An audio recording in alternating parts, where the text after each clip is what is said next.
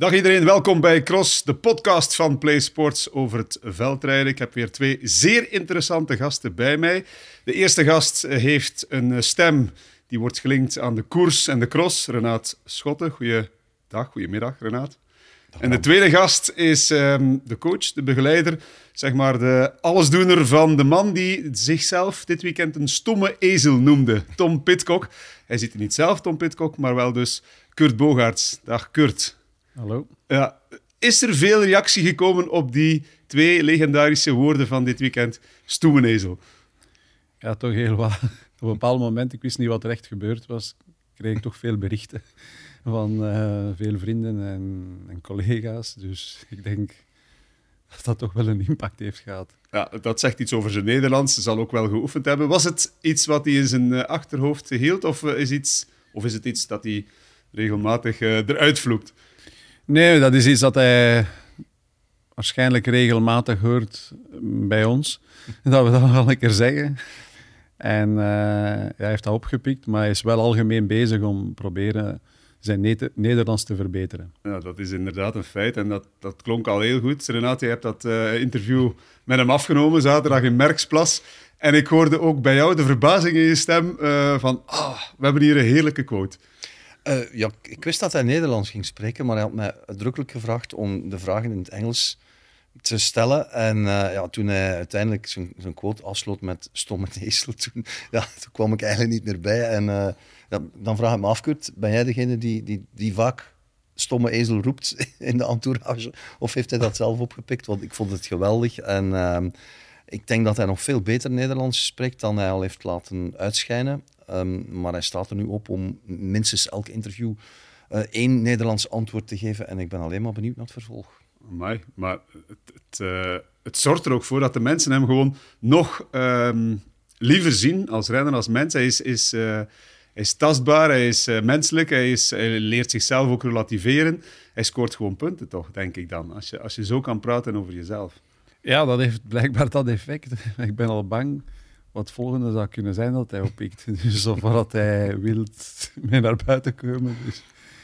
Uh, zeg het, Kurt, je favoriete scheldwoord. Ja. Ik weet het niet. Je bent maar bewust, als er al zoiets is, dat je zoiets soms in frustratie nog een keer gebruikt, denk ik, stom in ezel. Dus. Maar uh, hoeveel Nederlands spreek jij met, met Tom? Geen Nederlands. Nee? nee. Enkel Engels? Engel, enkel Engels, ja. Dus hij pikt vooral op in de familie. Uh, en dan uh, de Belgische entourage daar rond hem is, spreekt allemaal Nederlands. En nu, ja, als naar de winkel gaan bijvoorbeeld, wanneer dat hij in België is, uh, pikt hij overal Nederlands op. Ja, maar hoeveel tijd per jaar is hij eigenlijk effectief in België? Of wat is de bedoeling de komende tijd? Heel, heel weinig. Ja. Ik denk misschien, als je het in tijd gaat zien, misschien een maand. Een maand een, in dagen, misschien 30, 35 dagen, misschien niet veel meer. Het is een beetje tussen de wedstrijden uh, een basis vinden. Maar bijvoorbeeld, ja, eens na Dublin, dan zitten we op trainingsstage en dan is het nog een keer terugkomen. Maar het is eigenlijk gewoon wanneer dat hij in België is, tussen die wedstrijden, van de cross vooral, om, om die cross aangenaam te maken. En een beetje zoals de Belgische renners, dan s'avonds kunnen naar, naar huis gaan en ergens dan toch rust vinden. Ja, anderhalve maand. Om dan goed Nederlands te spreken, dat wordt toch moeilijk, denk ik. Um, maar het wordt zit, wel beter, dat is duidelijk. Hij zit langer in die, in die Belgische entourage. Dus, dus wanneer veel mensen rond hem Nederlands spreken, dan, dan denk ik, als hij een snelle leerling is, dat hij daar heel snel mee weg kan zijn. Dan moet Kurt Nederlands spreken, hè? want jouw Engels wordt alleen maar beter door, door de hele tijd Engels te praten en zijn Nederlands. Ja, ik betrap me daar wel op, dus dat uh, moeilijk is voor mij soms in het Nederlands, omdat mijn hoofd veel in het Engels denkt. Uh, de meeste gesprekken gaan in het Engels. Maar uh, dus zoals Renaat zegt, hij is hier van in 2018. En uh, het is ook als je daarvoor open staat. Um, ja, en hij wil dat wel proberen, denk ik. Ja. Dus dat is, dat is niet doorgesproken eigenlijk. Jullie hebben, hij doet daar zijn eigen zin in en zegt ik wil. Hij heeft dat een beetje uh, voorbereid. Ja. Maar het is niet dat jullie gezegd hebben, nu moet je zoals Stibar in het verleden. Nee, nee, nee, totaal niet. Dat is iets dat komt van zijn eigen, van persoonlijk van Tom. Uh, ja, ik denk dat hij. Wat ik bij hem merk, dat hij die, die sport wel naar waarde hecht. Dat hij, dat hij weet waar het hem gebracht heeft in de sport. Als je ziet, tot nu toe hebben we altijd deftige winters gedaan en heeft toch tot succes geleid in de Tour. Een hele moeilijke etappe waar dat hij succesvol is. En we hebben natuurlijk persoonlijk eh, van in het begin gesproken, denk ik, dat is een opinie van mezelf, zoals Stibar, Boom, dat die misschien niet het maximum uit hun carrière hebben gehaald met die switch helemaal naar de weg te maken. Of misschien als je die switch maakt volledig naar de weg, dat je niet bewust bent van wat je echt doet in de winter qua efforts in het veld. En dat die compleet uit je comfortzone trekken. En, en daar ben ik vooral mee bezig. En ik, heb, ik bespreek alles met Tom, wat dat de visie is, wat dat we proberen te bereiken. En dat hij ook begrijpt. En hij vraagt erachter, van in het begin dat ik beginnen werken bij mij, is één vraag, why? Hij moet voor alles een uitleg hebben. Het is de atleet dat eigenlijk het 100% uitvoert, hoe dat we de coaching samenstellen, het coachingplan, tot op, ja, tot op de millimeter bijna voert hij het uit. Maar hij stelt wel de vraag, why? En, en daar proberen we natuurlijk heel van bewust te zijn, dat hij onder verstaat wat dat we proberen te bereiken in combinatie met zijn ambitie. Ja. Maar het is ook duidelijk dat, dat hij vragende partij is om heel veel verschillende dingen te blijven doen. Want variatie geeft hem goesting om te blijven koersen en uh, inspanningen te leveren. Heb ik de indruk, klopt dat? Ja, hij is vragende partij.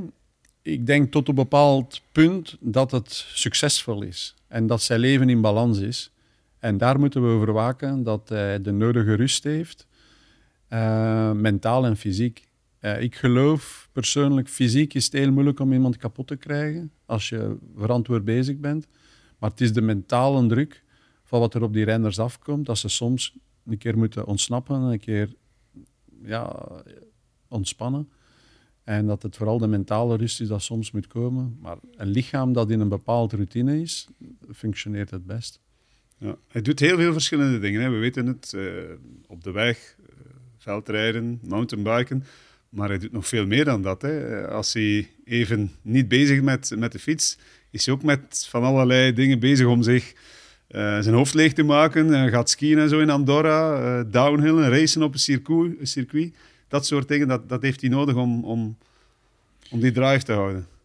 Ik persoonlijk zie hem niet echt als renner, maar als atleet. Het is iemand dat echt graag sport, graag actief is uh, het is iemand dat niet gemakkelijk kan stilzitten. Ik denk dat dat een werkpunt is om al de trainingen te kunnen laten renderen.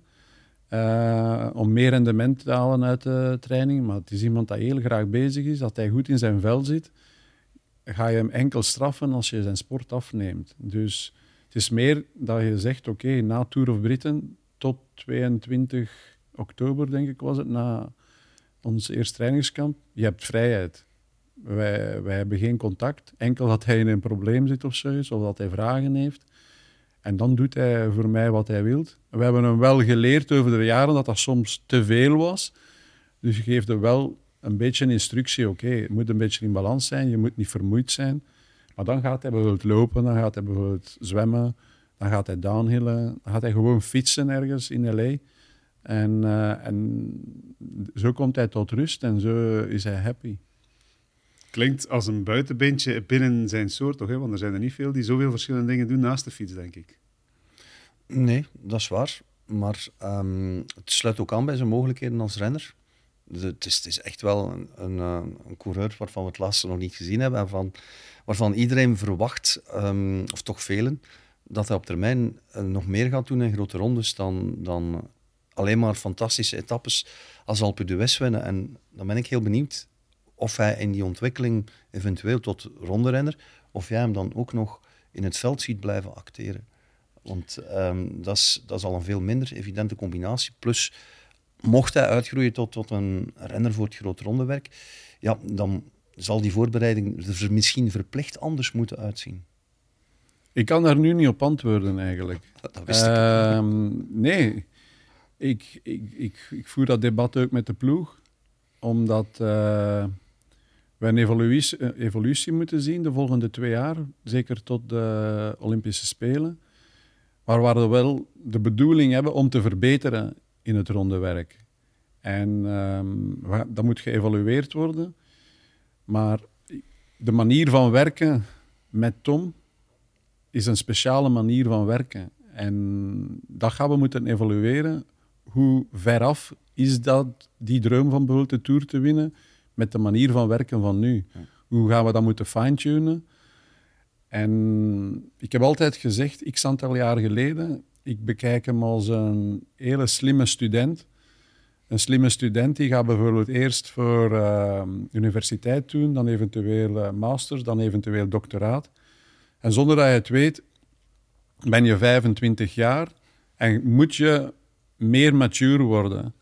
En Tom, denk ik in het wielrennen, is een hele goede student, dat, dat heel veel kan bereiken. Maar hij is speciaal, hij, hij wil genieten van die sport. Die offroad heeft een bepaalde rustgevende factor voor hem. Maar als je dan die off-road evenementen bekijkt, zoals de cyclocross en het mountainbike, wat brengt dat in, in trainingsintensiteit? Wat voor efforts worden daar gedaan? En hoe kan je dat inplaatsen in bijvoorbeeld de voorbereiding van een grote ronde? En dat gaan we moeten analyseren, dat deze manier van werken, deze manier van jaarplanning, tot progressie leidt in, in het grote ronde werk. Maar dan moet je natuurlijk bekijken, bijvoorbeeld binnen twee jaar, hoe ver af zij bijvoorbeeld als je wilt een grote ronde winnen. En wat is zijn ambitie? Heeft hij die ambitie echt om een grote ronde te winnen?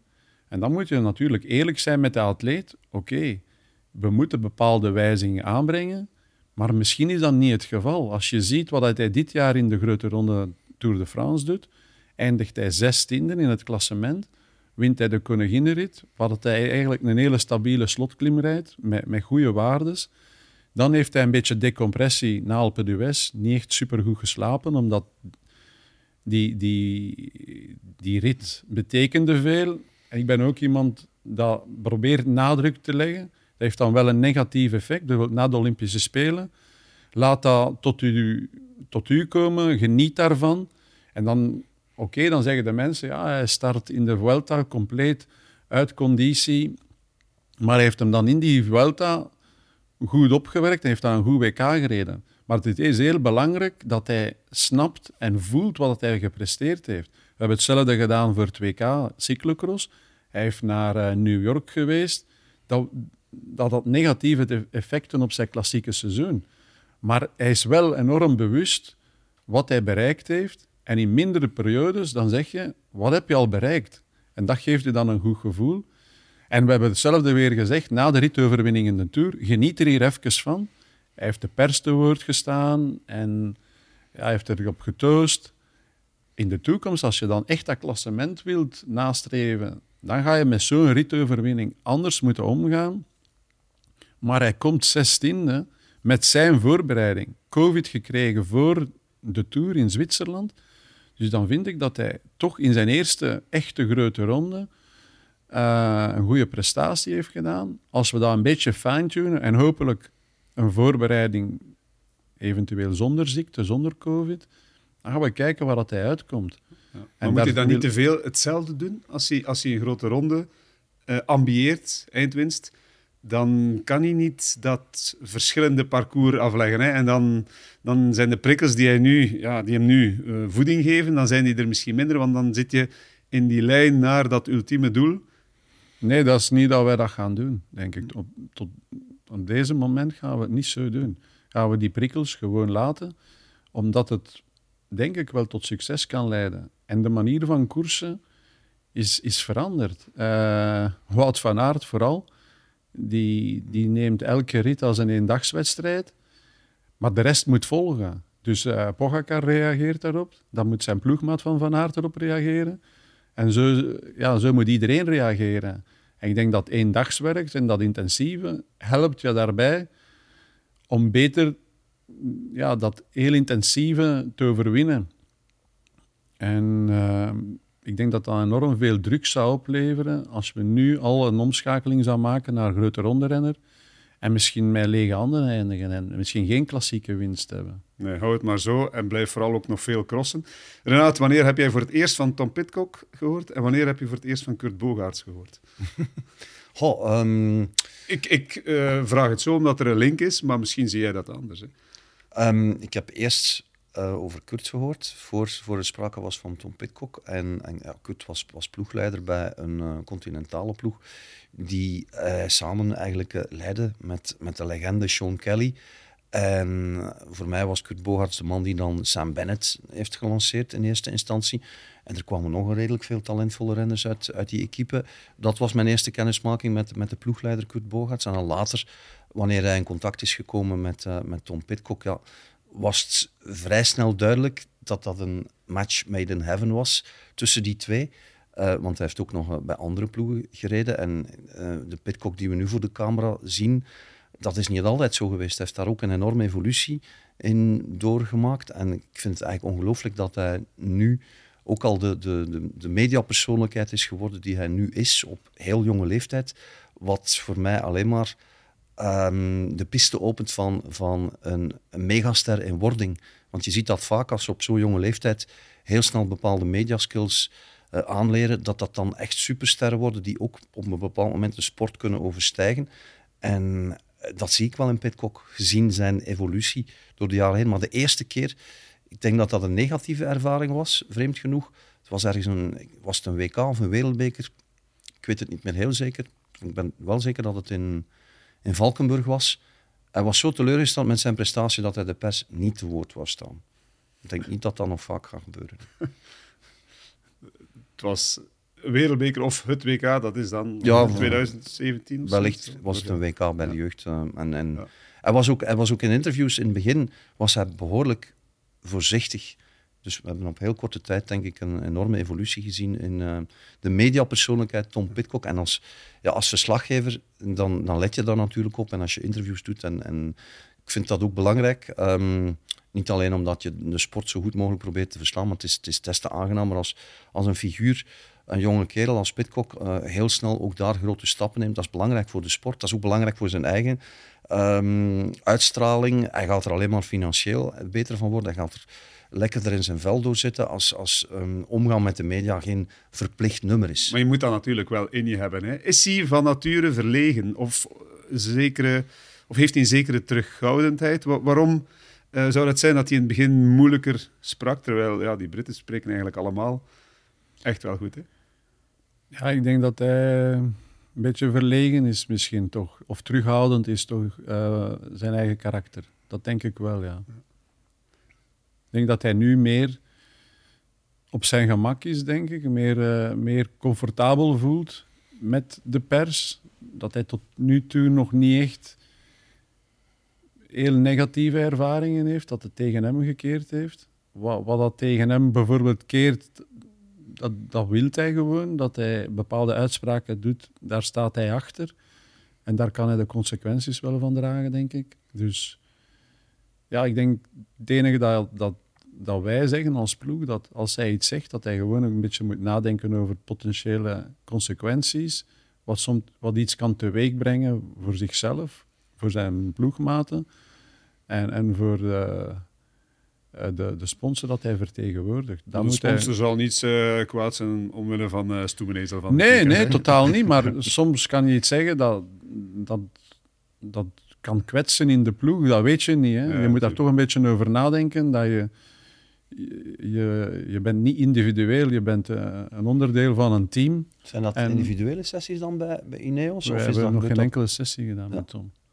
Ja. Dus uh, soms vragen we de vragen op, bijvoorbeeld, wat er gaat komen. En geven een, een algemene instructie waarvoor op te letten of zo, of wat we niet willen dat er gebeurt of zo, of welke type uitspraak. Dat is vooral, denk ik, beschermend soms naar ploegmaats. Uh, iemand dat gekwetst is of geblesseerd is of zo, dan wil je dat die, die jongen zijn pad gewoon kan verder zetten. Maar Tom is vrijwel zijn eigen, denk ik. Ja, dat, is mooi, hè? Ja, absoluut. En het is een slimme gast. Dat, dat, dat is duidelijk, dat, ja. Dat, uh, ja, en de rode draad is. Je, je hebt het al vaak moeten zeggen, maar kan je nog eens duidelijk schetsen hoe uh, jullie bij elkaar zijn gekomen? Wanneer heb jij voor het eerst van Tom Pitcock gehoord? En, en hoe is die, die samenwerking helemaal in het begin ontstaan? Um, dus uh, een kameraad van mij, die dan ook bij mij gefietst heeft, in de ploeg, was Andrew McQuaid. Die heeft een managementbureau, Trinity, Zoon van zoon van. Pat. het. En eh, ik heb sterke connectie met de, met de Ieren. En ehm, ik had hem gezien als jonge junior. Ik zeg, "Pff, die is wel speciaal. Niet alleen in de cross, maar ook in het ehm, tijdrijden. Hij wordt wereldkampioen tijdrijden bij de juniors. En toen heb ik gezegd, ja, ik zeg, die zou ik toch wel eh, proberen management op te nemen. En, en, dan is hij bij, mm, bij Telenet eh, beland. En dan was ik twee keer, eh, dus ik heb daar contact mee gehad en hij heeft met bepaalde materiaal van onze ploeg, de 2K junioren tijdrit gereden, de wielen bijvoorbeeld, waren van onze ploeg als ondersteuning. En zo hebben we contact blijven houden. Hij heeft die wielen gehouden, want hij houdt elk winning concept van grote momenten. Dus hij heeft die fiets met die wielen. Hij heeft de fiets van elk WK dat hij gewonnen heeft. Hij heeft de fiets van de Olympische Spelen. Dus dat is iets dat hij houdt. Dus die wielen ben ik kwijt. en, eh, Ze staan in zijn huis in Merchtem, hè, want hij heeft er nu een huis gekocht. staan nog in Leeds, die, Ah, die wielen. Ja. maar eh, zo heb ik hem leren kennen. En dan heb ik dat opgevolgd en was ik naar een cross geweest in Namen, bij de onder de 23. En daar voelde, het was iemand aan een omgeving wat bouwen rond zich, een Engelse omgeving. En zo hebben we dan toen samen ja, een omgeving gebouwd rond, rondom, dat heel belangrijk was. En dat klikte dan om samen te werken en coaching, dat klikte eigenlijk van het eerste moment. En ik denk dat daar een beetje geluk bij gemoeid is. Het eerste doel dat hij had bij ons was het Europees kampioenschap en hij wint dat dan. En ik had dan heel veel veranderingen aangebracht aan positie en ja, coaching veranderd. En hij, hij zag dat dat direct tot succes leidde. Maar ik denk, met zo'n talent, ja, eh, als je een beetje de basisprincipes respecteert, heb je nog redelijk rap succes, denk ik. Ja, maar dat is die- niet die- echt dat dat aan mij moet er, nee, nee, maar die klik moet er inderdaad wel zijn. Hè. Als, je, als je voelt van in het begin, dat gaat niet lukken, eh, naast de fiets vooral dan, ja, dan, dan, dan stopt het misschien. En als het samenkomt, is dat win-win voor beide, Kurt, Kurt is een heel rustige persoon. Ik kan me voorstellen dat, eh, of toch, zo komt het toch over, eh, behalve als hij begint te schelden. Ehm, dus ik denk dat, dat dat dan een voordeel is als je die rust die dan eh, in een ploegleider zit, als je dat kan overbrengen op de jonge spring in het veld die, die Tom Pitcock toch eh, ongetwijfeld is, als je het allemaal op een rijtje zet. Eh, je hebt het daarnet nog aangehaald, eh, dat skiën, eh, lopen, wat weet ik nog allemaal. Ehm, dan spreek je niet ehm, over iemand die, die eigenlijk al goed weet waar hij naartoe wil. Ik vraag me af of hij op dit moment al weet wat hij eigenlijk met zijn carrière wil aanvangen. Wat alleen maar een luxe situatie is. Maar als Kurt dan daar zijn duit in het zakje doet, dan, dan krijg je waarschijnlijk, denk ik als jonge topsporter, een soort extra rustfactor. Een, een baken waar je naartoe kan en waar je kan op steunen. Als je dan die tafereelen ziet. Ik was toevallig bij vorig jaar op de Olympische Spelen mountainbiken. En ja, dat, dat, waren, dat was kippenvel. Hè. Hij wordt Olympisch kampioen mountainbiken. En de eerste waar hij naartoe vliegt, dat, dat is Kurt Pogaerts. hè, De man uit Merchtem. Ik vind dat dan eigenlijk ongelooflijk dat een Brit op die manier... Hè, want je wordt Olympisch kampioen meestal voor een land. Maar de eerste in wiens armen hij sprong. En dat was een, een schitterend tranendal van emoties. Met alles erop en eraan. En terwijl ik eraan terugdenk aan het tafereel me voor de, de geest haal, dan, dan krijg ik kippenvel. Dat zijn fantastische sportmomenten. En je weet dan ook dat, dat de band tussen die coach en die sporter op dat moment al zo intens is. Ja, Die kan niet stuk gaan, denk ik. Door wat je hebt meegemaakt onderweg en, en die successen. Was eh, Tokio het, het allermooiste? Ja, voor mij de Olympische Spelen is het ultieme. Ik heb enorm veel genoten van ehm, de ritoverwinning in de Tour. Maar de Olympische Spelen overstijgt eh, het wielrennen voor mij. Had je dat meteen door of is dat pas daarna gekomen? Nee, ik dat had besef? redelijk rap door, ja. Ja? Ja, dat was toch... Maar ik bedoel, eh, de, de aanloop ernaartoe. Ja, dat is denk ik dat soms het, het heel intens maakt, omdat er al een paar keer iets gebeurd is. Dus bijvoorbeeld voor de Olympische Spelen breekt hij zijn sleutelbeen, heel kort erop. En dat is van het moment dat hij dus dat sleutelbeen breekt, dan is dat in mijn hoofd, oké, morgen moet dat gemaakt zijn. En eh, dan begin je rond te bellen, dan, dan, met alle mogelijkheden daar rondom, rondom ons is. Mensen van het verleden, mensen in de ploeg. Hoe kunnen we morgen een operatie hebben dat dat, dat sleutelbeen gemaakt is? En dan zit je in Andorra en drie uur later zit je in Girona en een paar uur later is hij geopereerd. En dat is natuurlijk eh, in die fase, dat is het eerste stap om een succesvol herstel te hebben. Maar dat moet natuurlijk met heel bekwame mensen gedaan. Dus je moet, ik ben eigenlijk meer projectmanager, dat je zoveel mensen rond jou hebt, maar je moet die schuiven willen opentrekken en niet zeggen ik weet het allemaal. Maar je moet gewoon heel kort op de bal spelen. Als je dan nog Olympisch kampioen kunt worden, dan is dat natuurlijk een emotionele ontlading. En dan weet je dat je met heel je omgeving 100% gegeven hebt. En ik denk dat dat bij Tom... Ja, ik denk niet dat ik een super rustig persoon ben. Uh, maar ik ben wel, wel ja, ja. realistisch persoon. En dat heb ik proberen bij Tom. Ik probeer hem te beschermen, soms misschien te veel. Maar ik vind hem enorm getalenteerd. En dan zeg ik, waar is de haast? Laat ons die, die carrière stap voor stap opbouwen. En wij hebben geen haast. Dus wij, moeten vandaag niet alles winnen. Laat ons proberen zoveel mogelijk te winnen over de lengte van de carrière. Omdat ik ook bij Tom enorm aanvoel dat hij heel lang wil sporten op een hoog niveau. Hij geeft mij niet de indruk, ook financieel, dat hij snel geld gewinnen wil. Dat hij zegt, ik, ik wil binnen zijn eh, als ik 26 jaar ben of zo. Dus hij geeft mij enorm veel ja, honger in de sport en dat hij enorm graag sport. En dan ja, het, het grootste doel dat ik wil bereiken is dat hij een lange carrière kan hebben. Natuurlijk, we moeten nu bewust zijn dat de jongeren enorm rap aan de top staan.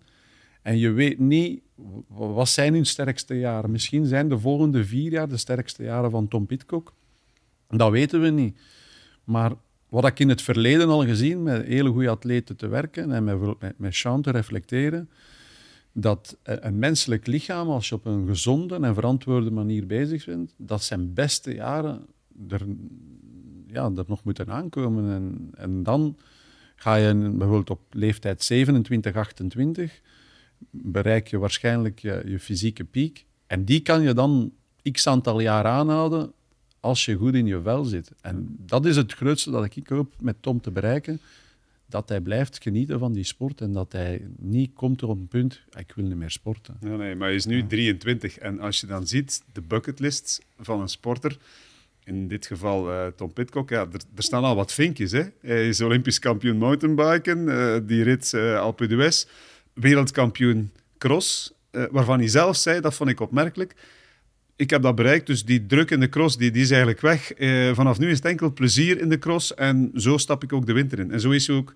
dit weekend ingestapt. Dat, dat was eraan te zien. Amai. Dat, dat moet toch een ongelooflijke rust geven als je zo kan gaan crossen. Wat we van het weekend gezien hebben, ik, ik, ben er eigenlijk nog niet goed van. Ik heb die wedstrijd met enige vertraging geconsumeerd. De tweede wedstrijd dan, namen. Eh, om vanuit die laatste positie in twee ronden naar de kop van de koers te rijden. De manier waarop dat is een van de sterkste prestaties van de jongste jaren in het veldrijden. Wat we gisteren gezien hebben in Overijse. Dat, dat was fenomenaal. Je zit dat te bekijken en je denkt van... En, nogmaals, ik heb het in uitgesteld relais bekeken. Dan denk je dan, dit kan niet. Maar zij doet het dan en de manier waarop, eh, waarop hij daar gewoon eh, alles en iedereen remonteert en dan uiteindelijk in de spits van, van die koers verschijnt, dan, dan besef je nog, nog maar eens dat je te maken hebt met een, een or-categorie. Ja. Paul Herreigers die klopt net niet in het scherm, terwijl hij commentaar gaf. Dat was niet normaal, die, die, die, die, die geloofde zijn eigen ogen niet. te zeggen, dat kan toch niet? Eh, ronde 2 aan de finish, heeft misschien gedaan, puur prestige. Rijdt hij nog snel uh, Michael van Toenhout en Elise biedt voorbij om als eerste, oké, het was symbolisch, maar het was wel heel knap, om als eerste te passeren. Ronde 2. Ze waren niet eens 20 minuten, of net 20 minuten aan het rijden, onwaarschijnlijk. Ja, dat is... Ik Persoonlijk, ik weet niet hoe dat hij dat doet. Ehm, hij heeft dat gedaan in Alpstad, in uh, de eerste wereldbeker dat we rijden, in het mountainbiken. Start hij van de laatste plaats. En daar zijn er 112 starters die een dag. En daar komt hij vooraan aansluiten bij de beste. En eh, ik weet hoe dat hij dat doet. Maar ja, zoals gisteren heb ik dat niet echt zo ervaren dat dat heel speciaal was. Ik had eigenlijk het gevoel dat hij redelijk, redelijk krap terug naar voren ging rijden. Ik stond op een plaats waar dat hij nog laatste was, maar dat ik dan hem in de verte een paar bewegingen zag doen. Ik zeg, ja, die gaat rap vooraan zijn. Uh, ik denk dat dat wel hem de overwinning kost, gisteren, wat er uh, in de start gebeurt. Maar, die val misschien later gewoon ook nog. Die val ook, ja. maar voor mij is dat gewoon het mooiste gevoel dat ik hem gewoon happy op die fiets zit. En dat hij hem echt amuseert. En je ziet met welke flair dat hij rijdt. En, en, en, geniet daarvan. Hij, hij heeft echt een, een topdag, natuurlijk. Hij wil winnen. Het is een, een winnaar. Hij is ontgoocheld dat hij gisteren die overwinning niet pakt. Maar hoe dat hij dan gisteren met die fiets rijdt, ja, dat, dat, is gewoon plezant om te zien. Dat bevestigt, denk ik, dat we, dat we juist bezig zijn. Ja, want Michael van Toernout, die zei het zelf achteraf. Ik stond op kraken, hè, twee, drie ronden lang. En op het moment dat ik uh, een beetje weer in die wedstrijd kom en dat goede gevoel heb, um, ja, maakt dan Tom dat, uh, dat foutje, dat eerste foutje. En zo, zo heb je die strijd. Hè. Um, zou het nog mooier geweest zijn als hij ook effectief had gewonnen, Renaat? Ja, um, voor, voor Pitcock uiteraard wel. Um, maar anderzijds, ja... Ik bedoel, het volk, het publiek ik, ik wil niks op, afdoen van de overwinning van, van Michael van Toerenhout. Nee, wat, wat, wat, je zegt, technisch... Het, dat is het leuke van de cross. Hè. Het is... Het is kracht gekoppeld aan techniek en, en, interval. En dat zorgt ervoor dat, ik denk dat Pitcock eigenlijk zonder discussie gisteren de beste in koers was, maar dan win je niet automatisch. En dat is ook het, het mooie van, van het veldrijden. Um, als de beste altijd wint, dan, ja, dan wordt het vaak saai. En dat wil je eigenlijk niet. Dus, dus hij weet nu wat hij de volgende keer moet doen, uh, gewoon winnen. En ik denk dat we in zijn voor een heel mooi uh, vervolg de komende weken, wanneer de anderen er ook zitten aan te komen. Oké, okay, ja. eerst nog eens naar het verleden. Heb je nog van dat soort uh, remontes gezien? Want jij hebt heel veel crossen gevolgd. Uh, kan je er voor de geest halen? Hmm. Hmm, ik denk dat... Sven Nijs heeft blijkbaar ja, ook eens gehad, ja, hè? Ja, ja, ik dacht onmiddellijk aan Sven Nijs. Als het één iemand is die, die het gedaan heeft in het verleden, dan, dan zal Nijs wel ooit zoiets gedaan hebben. Um, maar de, de, precieze cross, oh, Bram, te veel wedstrijden gecoverd om, om nu te zeggen, ja, die wedstrijd daar en daar. Er zijn andere momenten uit de carrière van Sven Nijs die ik me zo voor de geest kan halen. En die waren dan eigenlijk naast de fiets het, het moment van de wereldbekerwedstrijd 2004 Pijnakker, wereldbekerfinale. En hij wordt in de zak gezet door de Belgische selectie, door de, de eigenlijk ploegmakkers, de andere Belgen, de landgenoten. En dat was een keerpunt in de carrière van, van Sven. Dat is me altijd bijgebleven toen ik hem probeerde een quote te ontlokken. Een echt interview was het niet. Maar ik zie hem nog altijd daar wegrijden, woedend, omdat hij de wereldbeker in de laatste wedstrijd, de eindzege, verspeelde.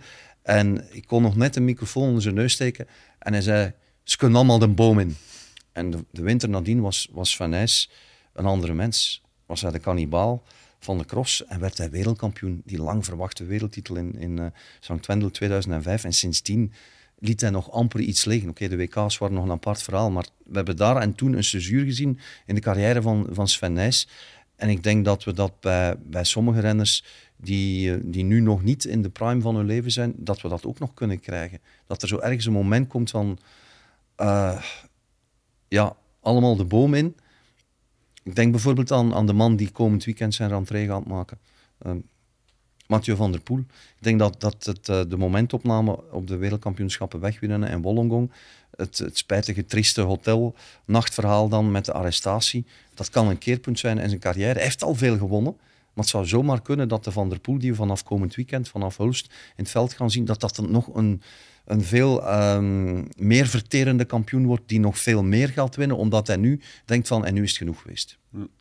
Hij komt uh, in Hulst er weer bij, hè, Mathieu van der Poel. Ja. Wout komt, Wout van Aert in Antwerpen. In Antwerpen. Ja. En uh, daar rijdt Mike, of uh, Mathieu van der Poel in principe ook. En Tom Pitcock rijdt hij ook in Antwerpen. Dus ja. dat is het eerste duel met alle drie.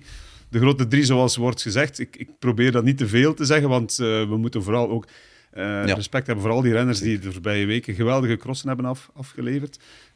Maar het is wel iets om naar uit te kijken. Antwerpen is een, een eikpunt in dit seizoen, toch?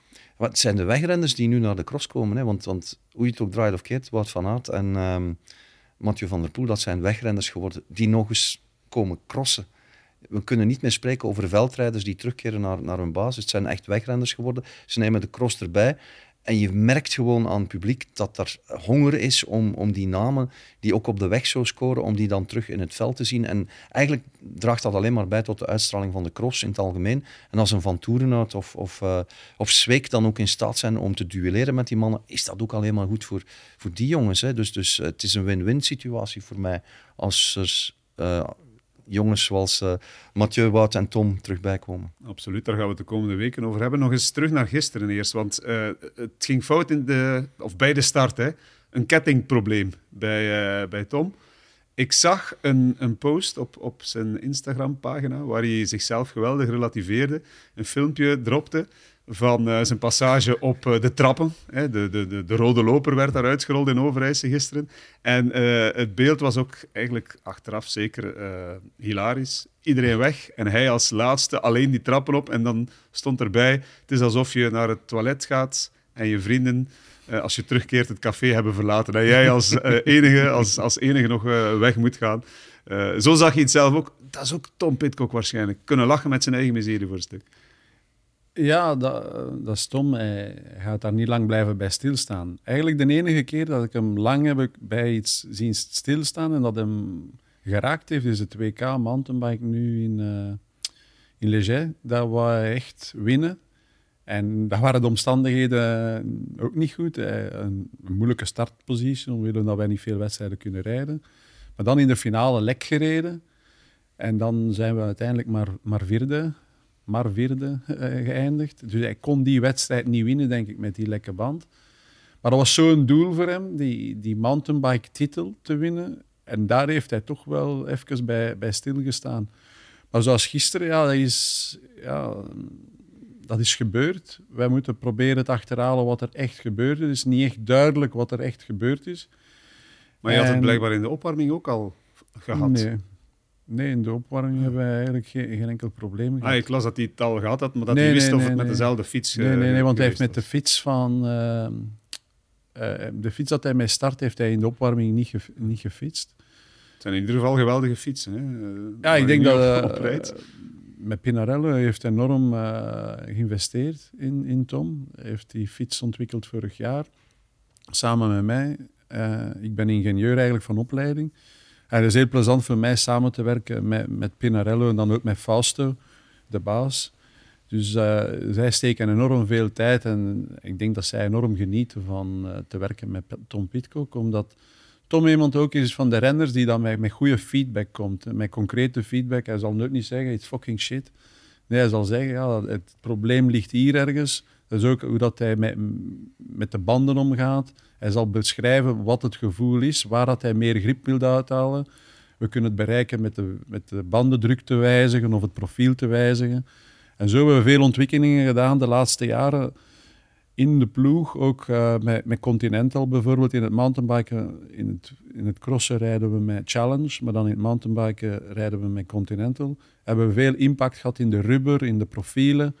En daar hebben we veel voordeel uitgehaald eh, op de weg. ik denk dat onze overwinning in Roubaix gesteund is op een, een hele goede prestatie van Dylan natuurlijk en een sterke prestatie van de ploeg, maar ook het met materiaal dat enorm geëvalueerd is voor het klassieke werken, waar we enorm veel vanuit het mountainbiken met, met de sealant, met, met de rubbers, enorm uh, veel weg. Maar dat komt ook dat Tom concreet kan zeggen, oké, daar ligt het probleem of daar moeten we aan werken. En dat is heel plezant als je dan een goed team hebt dat het, dat het verstaat wat, wat dat hij zegt. En de ingenieurs er rond hebben we ook gezien met de suspensie van de mountainbike.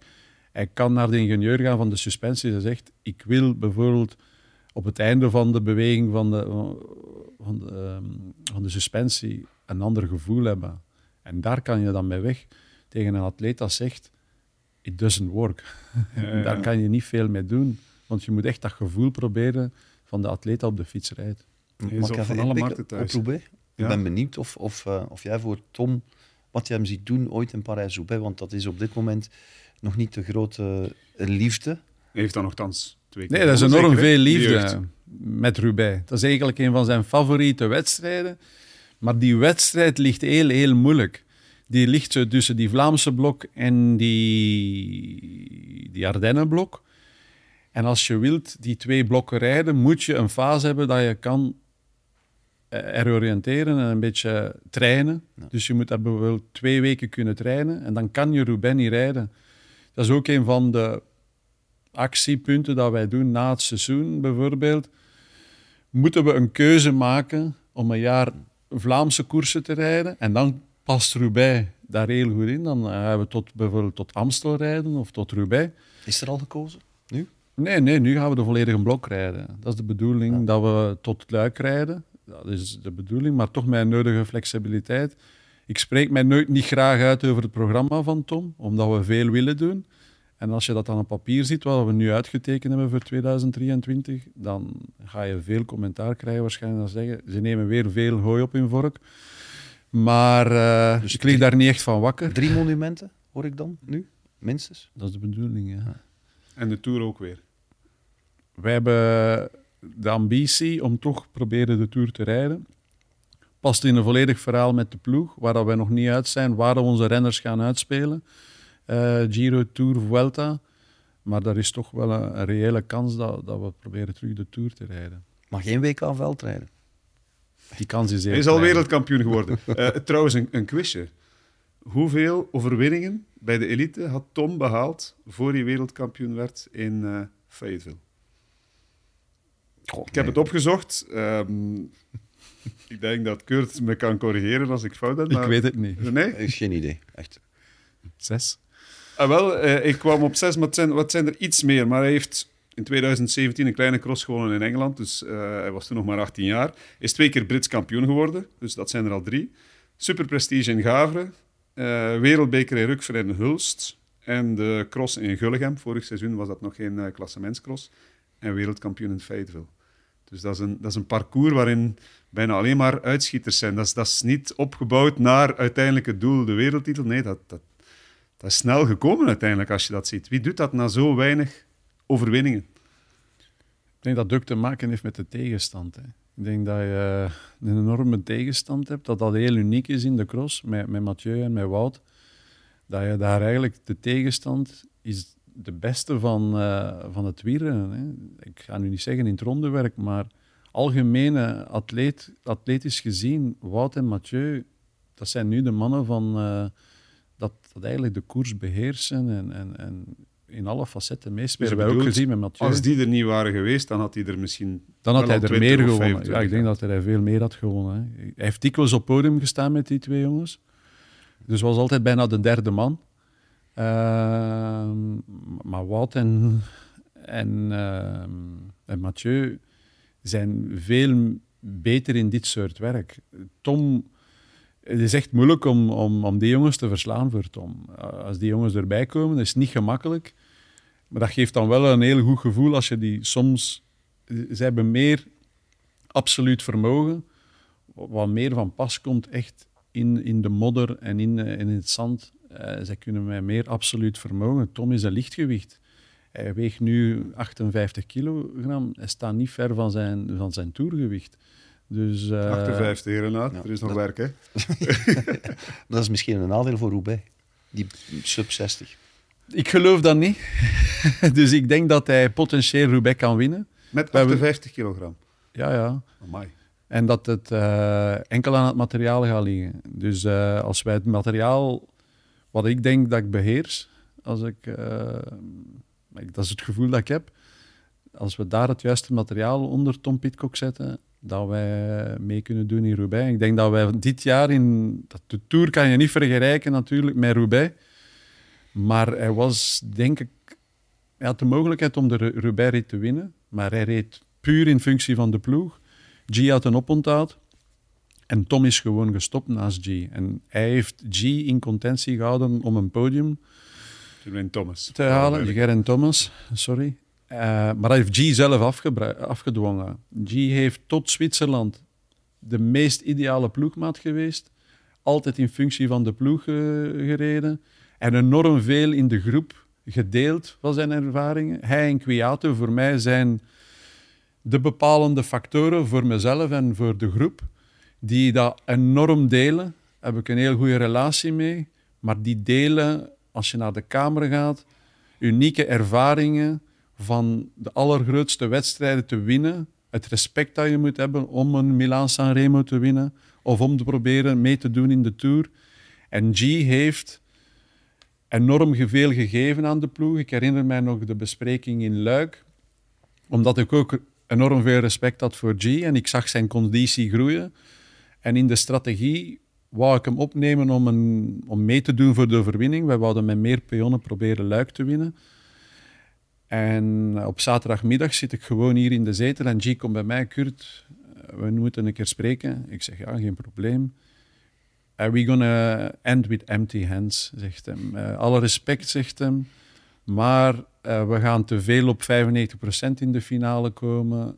Allemaal. het is niet mijn voordeel, maar ik krijg in functie van de ploeg. Wat je mij wil doen om de meeste kans om Luik te winnen, geen enkel probleem, zeg het maar. Als je dat doet, dat krijg je terug. Als Tom zijn kaarten, uh, Tom juist koerst in Amstel bijvoorbeeld in functie van Kwiato, dat krijgt hij terug van Kwiato. En dat zijn banden dat gesmeed wordt. Dat je, je moet dat opbouwen. En G zei het dan na de wedstrijd van de Roubaix in Tour, Tom stopte gewoon.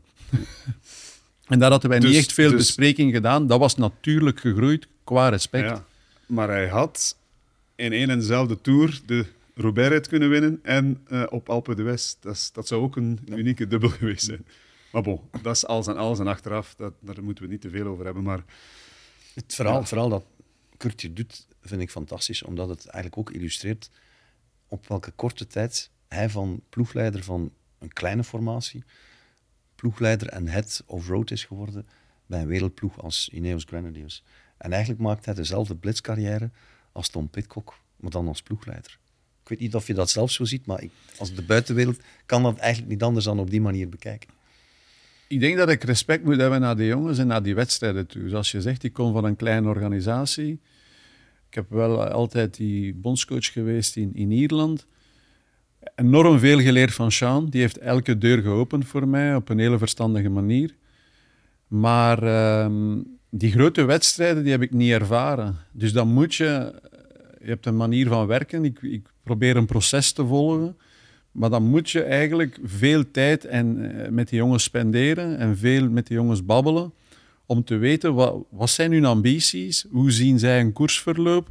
En zo bouw je je strategie rond die jongens. En als die jongens dan in de presentatie zien dat de rekening is gehouden met wat zij u bijgebracht hebben, dan gaan ze dan met veel meer overtuiging proberen die strategie uit te voeren. Ik denk dat dat het, vooral in het klassieke werk, onze succesfactor vorig jaar was. Dat alle jongens daar hun bijdrage in. En we kunnen niet ontkennen dat die veel meer ervaring hebben dan ik.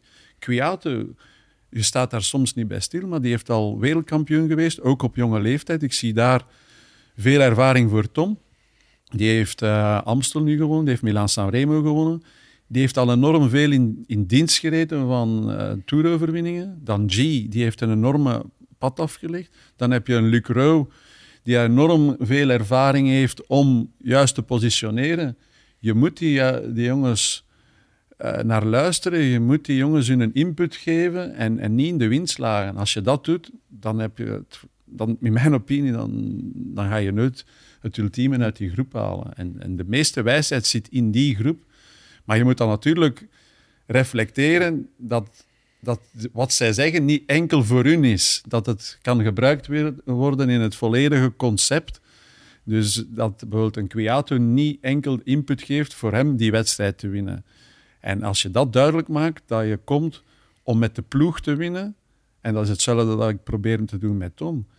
We hebben gekozen om in deze ploeg te blijven. Dan moeten we dus alleen moeten we het voordeel halen uit die sterke ploeg en niet individueel denken. We zijn al meer dan drie kwartier bezig en meestal moeten we dan nog weer afstoppen, uh, afronden. Ik heb het gevoel dat we nu nog maar pas begonnen zijn, dus uh, ga je nog eens moeten terugkomen, Kurt. Eén ding is duidelijk, dat Tom Pitcock, want het gaat vooral over hem, een alleskunner is. Hè. Dat, is dat is wel duidelijk. Wanneer wint hij zijn eerste cross van deze winter? Vorig seizoen was dat zijn derde cross. Is het dit seizoen ook in zijn derde crossprijs. Hulst is zijn derde? Of zaterdag rijdt hij? Kortrijk. Kortrijk. Kortrijk is zijn derde. Eén van die twee. Natuurlijk kan hij winnen volgend weekend. Ja. Moet je niet aan twijfelen, maar ehm, ik, ik, denk dat de uitleg van Kurt eigenlijk ook wel illustreert dat dat uiteindelijk niet zo belangrijk is. Wanneer hij wint. Persoonlijk niet, nee. Ik heb, uh, dus ja, wij, uh, wij, wij, spreken in de, in de ploeg ook. Uh, Kools gaat deze morgen uh, het is proberen van kalm te blijven en wat, de keuze die we gemaakt hebben om proberen progressief naar die klassiekers. Dat we niet bijvoorbeeld meer accent leggen dit, deze week op training om proberen een sprongetje te maken. Ik zal tevreden zijn dat hij met deze conditie een cross kan winnen dit seizoen. Dat zou voor mij eh, goed zijn. En dat we dan gewoon hem kan blijven amuseren. En bijvoorbeeld vandaag doet hij vijf uur. Dus ik zie dat als een drie dagen blok. Dat hij gewoon kan blijven verder werken en kan genieten van deze sport. En dat hij eigenlijk ja, intensieve trainingen doet in een omgeving dat, uh, dat heel leuk is. En dat gaat het hoofddoel zijn van niet super enthousiast te zijn. Oké, een beetje meer intensiteit doen deze week. En dan kunnen we waarschijnlijk winnen dit weekend. En nu gaan winnen, ja, niet zeker zijn. Nee, uh, dat hij zich vooral uh, geweldig amuseert op zijn fiets en het publiek geeft wat hij bijvoorbeeld gisteren in uh, Overijse heeft gegeven, want dat was geweldig. Genieten van begin tot eind. Alleen, ik snap het, die drie seconden maken wel een verschil. Het had het helemaal afgemaakt tegen Michael van Toernout. Maar chapeau, Michael van Toernout, want hij heeft wel Tom Pitcock kunnen afhouden. Op dit moment, terwijl de opname van deze podcast loopt, speelt Engeland tegen Iran op het wereldkampioenschap voetbal. Tom Pitcock is een Brit. Zit hij te kijken of is hij nu bezig met die vijf uur? Dat hij nu nog op de fiets zit. Dus uh, ja, ik hoop dat Engeland wint. ja, maar hij volgt het niet. Of hij gaat ik, het niet volgen. Ik denk niet dat hij het echt volgt. Behalve als ze pakweg gaan halve finale of finale spelen. Ik denk als nu Engeland in de finales of halve finales, dan gaat dat wel beginnen leven. En ook bij ons in de ploeg gaat dat beginnen leven. We hebben dat ook gezien uh, op het Europees. We hadden daar op een bepaald moment Engeland-Italië, denk ik. En uh, ik zat toen in een wedstrijd en dan Filippo Gana was daar, Viviani en dan waren er een paar Engelsen. En dan begint dat wel op een andere manier te, te leven, omdat die Italianen toch wel dikwijls op de grond gingen liggen. En dan, en dan begint het leuk te worden types, in, de, in de chat. Ja, dat is duidelijk. Goed, uh, Kurt, fijn dat je er was. Dankjewel en veel succes de komende weken, maanden, jaren met uh, Tom Pitcock of met uh, wie dan ook. Renaat, ook bedankt en tot zeer binnenkort hier in de zetel of ergens te velden. Ik ben al heel blij dat ik sinds dit weekend af en toe Renaat mag roepen en dan kom jij met een geweldige tussenkomst. Gaan we opnieuw doen. Hè? Dat is een, dat is een mijlpaal in de carrière van een commentator. We mogen Renaat in het veld aankondigen. Dat is, dat is geweldig. Dankjewel. En dat geldt ook voor u, dames en heren thuis, als kijker of luisteraar. Hopelijk bent u volgende week opnieuw op post voor een nieuwe aflevering van Cross. Tot dan.